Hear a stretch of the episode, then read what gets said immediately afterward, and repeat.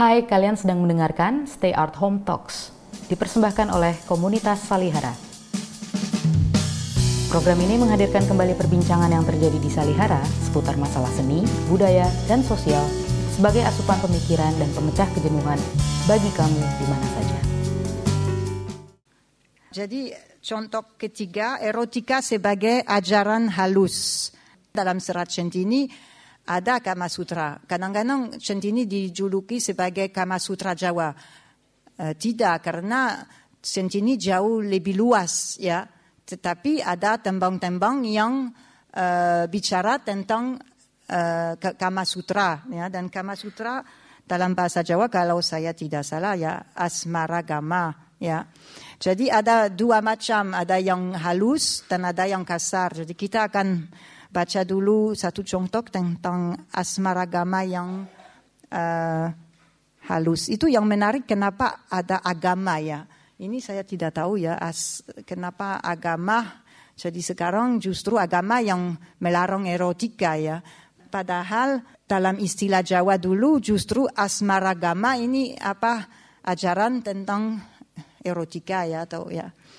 Uh, jadi tembang ke-22 itu jadi Amongraga sudah melarikan diri dari kerajaan Giri yang hancur dan adik kakak adiknya juga pergi ke arah lain.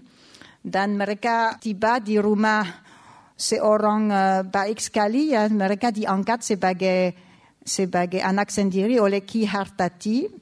Dan istrinya mau mengajar uh, adiknya perempuan Amongraga tentang asmara gama ya tembang 22 silakan Istri Ki Hartati menyambut sang pangeran dan sang putri Giri seperti anaknya sendiri. Ia segera menaruh sayang kepada rancang Kapti dan mewariskan kesempurnaan asmara gama kepadanya. Anakku, Katanya suatu malam bulan baru, sebentar lagi umurmu akan cukup untuk menikah. Ketahuilah bahwa tidak ada perkawinan yang bahagia tanpa penguasaan seni bersanggama. Karena itu, dengarkan inti sari wejanganku. Suami dan istri duduk berhadapan. Kaki terlipat di bawah paha, Pantat kiri bertumpu pada telapak kaki kiri. Sedangkan kaki kanan tegak berdiri di samping pantat kanan. Jari-jari kaki menghadap ke dalam, seperti pada sikap pertama tahiyat saat sholat. Si istri menundukkan kepala seakan berhasrat dipijit tengkuknya. Sang suami maju memeluknya, tangan kiri memegang pinggang, Tangan kanan didengkul istrinya yang sedikit membuka paha kirinya. Sang suami mendekatkan wajahnya tanpa tergesa-gesa. Lalu si istri merebahkan tubuhnya ke belakang, sedangkan suaminya berjongkok di antara kedua pahanya. Si istri meletakkan paha kirinya ke atas paha kanan suami, yang kemudian mengangkat kedua dengkul istrinya. Ketika sikap berdua sudah terasa nyaman, sang lelaki membaca, Bismillahirrahmanirrahim. Kemudian ayat kursi. Si perempuan menirukannya dan ketika selesai dengan lembut lingga menyusupi Yoni. Bila perempuannya ramping, lingga masuk bagaikan ular masuk liang, pelan-pelan tanpa tergesa. Bila perempuannya gendut, Zakar seolah menciumi sekitar liangnya dahulu, seperti membawa semerbak bunga. Bila perempuannya sangat merangsang, Lingga pelan-pelan akan menerobos, bagaikan kiri kepalanya yang disunat duluan. Arah sedikit miring, seperti langkah pengembara di sisi tebing. Kemudian ketika sudah mantap, ia akan memusatkan kekuatannya tegak lurus ke lubang senggama, siap-siap menenggelamkan diri sepenuhnya ke rahim rahmati. Bagi perempuan berkulit madu sepertimu orang rancak kapti, puncak kenikmatan terletak di bibir Farji dan di cekungan pusar. Itulah sebabnya si lelaki setelah membisikkan kalam kasmaran, lalu mencium bibirnya dengan menahan nafas. Ketika perempuannya mulai merintih, Si lelaki memasukkan batang menegang ke lubang dan lidahnya ke pusar. Badai rasa akan bangkit jam 2 pagi. Tapi jika satu dan lainnya telah hanya terbawa hawa, hitungan waktu tidak layak lagi. Kala telah kalah. Jadi sekarang kita coba baca uh, satu tembang tentang erotika sebagai ajaran kasar. Saya kasih judul mantra-mantra bobrok, tapi mungkin ada istilah yang lebih bagus, saya tidak tahu. Jadi ini kita kembali ke toko Cebolang ya, yang cukup nakal. Jadi dia uh, dalam uh, pengembaraan dia, dia sampai ke Mataram ya di Yogyakarta dan dia temukan beberapa teman dan salah satu temannya ya bercerita tentang uh, erotika. Tembang 27. Jadi uh, dua contoh sebelumnya itu memang erotika sebagai tindakan ya. Ini erotika sebagai ajaran ya. Empu among trusta, tanya cebola. Apa yang menyulut berahi wanita-wanita ini terhadap pria? Sesungguhnya lah anakku, Rahasia rasa berpindah-pindah di tubuh ronggeng selaras kisaran hari di penanggalan bulan. Jika kamu mau senggama di hari pertama bulan, mulailah dengan mengecup dahi pasanganmu. Di hari kedua, cium pusarnya. Di hari ketiga, pijit betisnya. Di hari keempat, lengannya. Di hari kelima, kulum susunya dan begitu seterusnya. Jika kamu ingin tahan lama, tumbuklah halus daun legundi dan daun widuri serta potongan kulit renggulung. Dibikin bulatan kecil-kecil, lalu telanlah sambil membaca dua belas kali kalimat ini. Kumala saha hekadi kun payakun ilaika datuka muka natanika. Allahumma ya muka nunujra rumya ala huya muka datbiramu ila sangkrama rokiman. Zakarmu akan tetap keras dan tidak lekas keluar. Ada lagi mantra ampuh lainnya. Konon datang dari tanah seberang. Hembuskan ke dalam fajri wanita Hari panas bumi renggang, hari hujan langit terang. Jika kamu mengakhiri senggama, baliklah mantranya. Jika kamu tidak ingin bersetubuh tapi dapat mencapai kenikmatan melalui segenap permukaan raga, cubit susu pasanganmu dan bacalah kunta ngalai mukadas berai. Jadi ada dosen dari perempuan dari Universitas Islam eh, di Yogyakarta yang bikin penelitian tentang bahasa Arab dalam bahasa Centini dan dan kata dia eh, yang mantra itu kumala sahatika dia bisa ditafsir itu dari bahasa Arab apa saya lupa ya maaf saya tidak bawa uh, tafsir dia. Jadi ini campur Jawa Arab ya sebenarnya.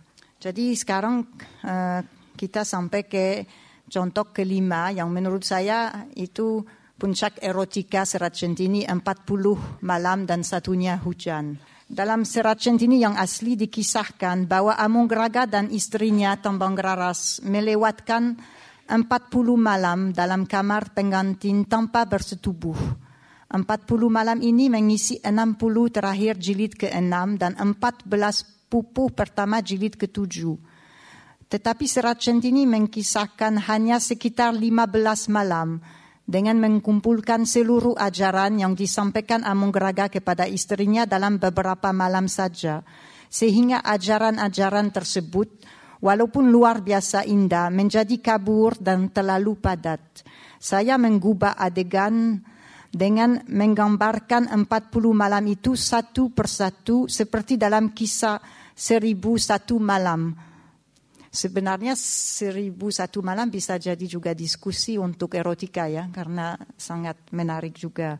Dengan satu ajaran per malam, seluruh ajaran Amungraga kepada Tamangraras dicatat. Asal usulnya ditimba dari penggarang sufi kuno dari Timur Tengah. Dalam serat centini asli, sepanjang 40 malam itu, Tambang Raras bersembah dan berkenang dengan diam. Saya memberanikan diri membuat dia lebih berpikir, perasa, cerdas dan tangkas, sambil menghormati penyerahan semuanya. Kemudian namanya ditafsirkan sebagai tembang, tambang yang merdu raras. Dia tampil di hadapan saya sebagai wujud syair itu sendiri, sebagai babon suluk, rahim sabda yang luas, tempat amung raga menggembara, memikul raganya dengan begitu susah. Uh, mungkin saya baca tembang 81 ya. Ketika malam ke-10 tiba, di haluan ranjang, Tambang Raras membiarkan kaki telanjangnya terbuka dan berkata, Oh apiku, lihatlah betapa dahaga daku akan ilmu kakanda. Tubuhku bagai tanah kering. Mereka terbelah. Turun hujan pertama, basah kuyup ia, mabuk air. Tapi musim hujan lalu mohon diri dan haus tak tertahankan pasti kembali. Dari buritan ranjang, Amung Raga menjulurkan tangan telanjangnya ke kaki istrinya dan dengan empu jari mengurut lelkuk tapaknya, tempat hasrat sekujur tubuh tertuju. Lama ia memijat seirama pedih nyanyiannya. Jika kau dahagan jika kau dahagakan air, air dahagakanmu. Di balik sekat berkerawang, Centini merasakan malam undur diri sebelum pudar. Jadi dalam 40 malam dan satunya hujan, erotika bukan tindakan seksual. Erotika sebenarnya bukan tindakan apa pun. Erotika adalah sebuah halayan sebelum terjadinya sanggama, sebuah ketakjuban panca indera melewati halayan pikiran. Erotika tidak perlu tubuh ragawi, erotika hanya perlu raga halayan. Sebenarnya erotika adalah sebuah penyutradaraan, pementasan hasrat sanggama.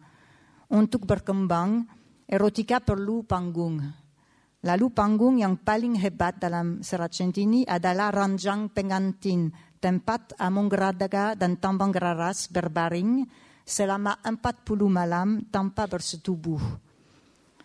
Pementasan erotika itu memamerkan semua upaya pada tembang pertama 40 malam dan satunya hujan. Tembang 72.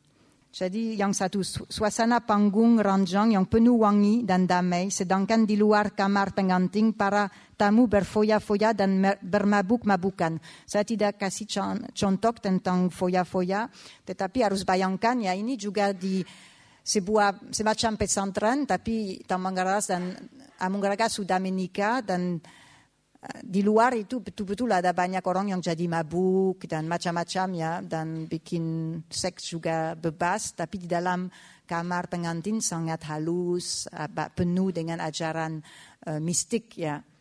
Jadi ini uh, uh, pentas uh, erotika centini uh, yang paling tinggi menurut saya.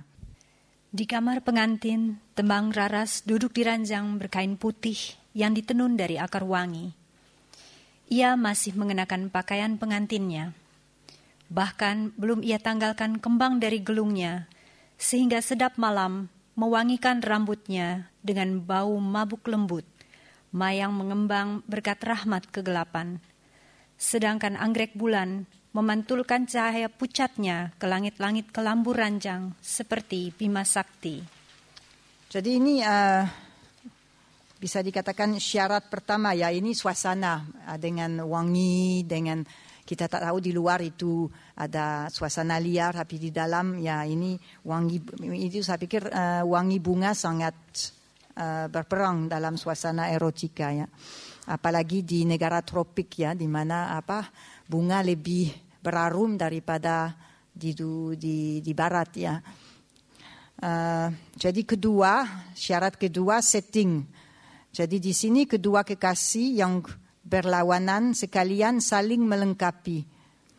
Ini memang uh, setting itu uh, kreasi dari saya ya dalam serat centini asli tidak di, dikasih tahu mereka di di ranjang pengantin seperti apa. Saya yang dapat ide ya supaya memang erotika dikembangkan seperti itu. Tapi saya pikir bukan uh, kreasi yang buat-buatan, tapi memang itu betul-betul lahir dari suasana asli centini. Saya baca ya karena pendek. Amung geraga telanjang dan duduk bersila di hadapan istrinya di unjung seberang ranjang. Cukup jauh hingga ketelanjangannya tidak membuatnya was-was. Namun cukup dekat agar tambang raras dapat memperhatikan bentuk lingganya setepat-tepatnya. Jadi selama 40 malam mereka duduk begitu ya. Dia laki-laki yang telanjang, perempuan belum. Tapi lama kelamaan uh, Tamanggara juga akan lepas uh, bajunya. Semakin ajaran rohani tinggi, semakin telanjangnya uh, apa juga tinggi ya atau sempurna. Jadi syarat kedua, ketiga bahaya. Ya, jadi dalam erotika saya pikir ada rasa takut atau rasa ya hati-hati sesuatu akan terjadi ya. Jadi itu perlu dikembangkan. Jadi dalam tembang pertama, malam pertama uh, sudah disampaikan oleh Amung Raga ya, saya baca. Amung Raga menggerakkan pandangannya yang silau ke tambang raras. Dinda, kau duduk di situ, di haluan ranjang pengantin dan aku di buritan. Andai pun saling terulur sejauh bisa, tangan-tangan kita tiadakan bersentuhan, karena kecemasan antara kita sedemikian besar. Namun hatimu sudah dalam hatiku dan hatiku dalam hatimu. Kau dengarkah keduanya berdebar-debar, gugup karena asmara, padahal kegugupan adalah halangan sanggama. Uh, syarat keempat larangan. Jadi ini ada tabu ya tabu di, juga di, dibesar-besarkan ya supaya uh, apa nafsu uh, berkembang. Jadi itu kata Amung Raga juga. Jika kau tidak keberatan dinda dan dengan rahmat Allah, mulai malam ini berdua kita akan berlayar dalam diam untuk menenteramkan naf nafas satu dalam yang lainnya dan agar kau jadi buritan dan aku haluan. Ya. Awalnya, pelayaran ini akan terasa kejam, penuh larangan, sebab ancaman karam sangat besar. Kita akan dibawa selama empat puluh malam, mengarungi tujuh lautan, silih berganti. Jadi tujuh lautan digambarkannya oleh Mongraga. Terus syarat kelima ada tekanan karena jarak dan ketelanjangan antara kedua kekasih. Ya, jadi mereka tidak boleh saling uh, menyentuh ya. Jadi saya pikir erotika berkembang juga dari situ. Ketiga malam ke-23 tiba di haluan ranjang Tambang raras telanjang bersembah. Oh apiku, setelah kanda menelanjangi jiwaku, dapat ku ungkapkan kini padamu tubuh utuhku. Mereka baru pulang dari masjid, mereka berzikir, jadi makanya dia bilang jiwa sudah telanjangnya. Amung Raga duduk di buritan ranjang, cukup jauh sehingga tidak cemas terhadap ketelanjangan istrinya. Namun cukup dekat agar dapat melihat merapatnya setepat-tepatnya. Lama berdiam ia, memandangi merah itu. Keheningan menyerap sari putih maninya. Terus syarat ke-6 ada si centini sebagai perangsang hasrat. Semacam pelacur suci dalam upacara tantrik. Jadi ini centini adalah uh, abdi atau pembantunya Tambang Raras, istrinya Mongraga. Dan ini satu misteri uh, dalam serat centini siapa dia sebenarnya. Dan saya selama saya menulis kembali serat centini, saya coba menafsirkan siapa dia ya. Dan uh, memang selama 40 malam dia duduk di belakang, dia tidak melihat apa-apa, tapi dia mendengar semuanya. Dan memang mungkin bisa ditafsirkan sebagai dalam acara upacara tantrism ya harus ada uh, semacam ya. Dia mungkin adalah sosok erotika atau betul-betul ya dinamika erotika dia yang sendiri yang ya. Uh, padahal dia diam dia halus dia mengabdi dia rendah hati dia ya. Di balik sekat berkerawang centini menangkap desah Amongraga dan enggah tambang raras. Bulir-bulir peluh di tubuh mereka yang membara dan memenuhi kamar tempias gerimis Centini berjaga sebab ia ditugasi untuk menggabarkan koyaknya selaput darah agar segera disiapkan jamu godogan kembang curian. Jadi dia akan berjaga selama 40 malam. Terus uh, syarat yang ketujuh nafsu atau uh, seks yang tertunda ya. Karena sebelum pernikahan dilangsungkan, Amung Raga memberitahu Tambang Raras bahwa segera mereka bersetubuh nanti ia akan meninggalkannya untuk mencari kedua adiknya. Sehingga kedua kekasih sangat takut akan sanggama yang akan menyatukan dan sekalian memisahkan mereka. Jadi di sini ada erotika. Saya kira dan ini kita ketemu erotika yang hampir sama dalam uh, seribu dan satunya malamnya. Uh, kalau tapi lebih dramatis di buku itu karena perempuan ini kalau saya ingat dia akan mati kalau dia dia terus bercerita bercerita dari satu malam ke malam lainnya.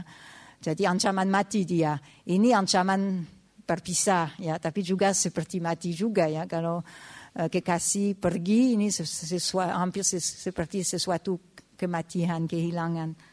Jadi saat saya menulis kembali serat centini, saya coba mengembangkan mistik dan erotik berbarengan ya. Ber, makin lama dari malam ke malam erotik dan mistik, tasawuf dan asmaragama berkembang berbarengan sehingga pada akhirnya mistik terbakar oleh api erotika dan erotika terbakar oleh nyala mistik. Dua-duanya musnah yang tersisa hanya cahaya, cahaya sayap-sayapnya sang eros. Terakhir, musnah erotika, musnahnya. Di kamar pengantin, angin diam mengembus kandil. Ini malam ke-39. Di ranjang bidadari, Among Raga dan Tambang Raras tidak lagi melihat ketanjangan masing-masing maupun jarak pemisah mereka. Tidak ada lagi haluan maupun buritan, raib pula garis batas air.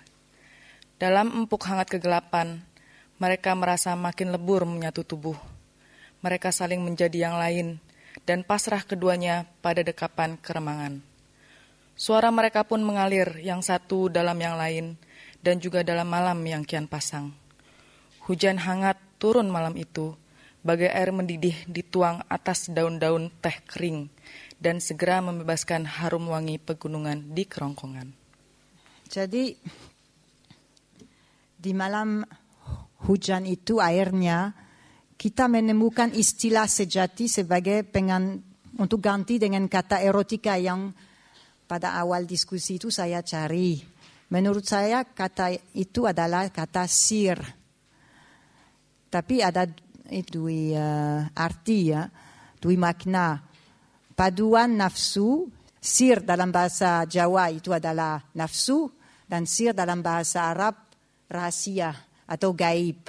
Jadi untuk saya dan di serat centini di terbukti ya uh, berkat Amung Raga dan Tamanggaras bahwa erotika adalah sir, gaib dan nafsu atau rahasia dan nafsu. Kalau betul-betul mereka menyatu dua-duanya itu kita uh, sampai ke titik erotika yang paling indah, tinggi dan uh, halus. Ya, terima kasih.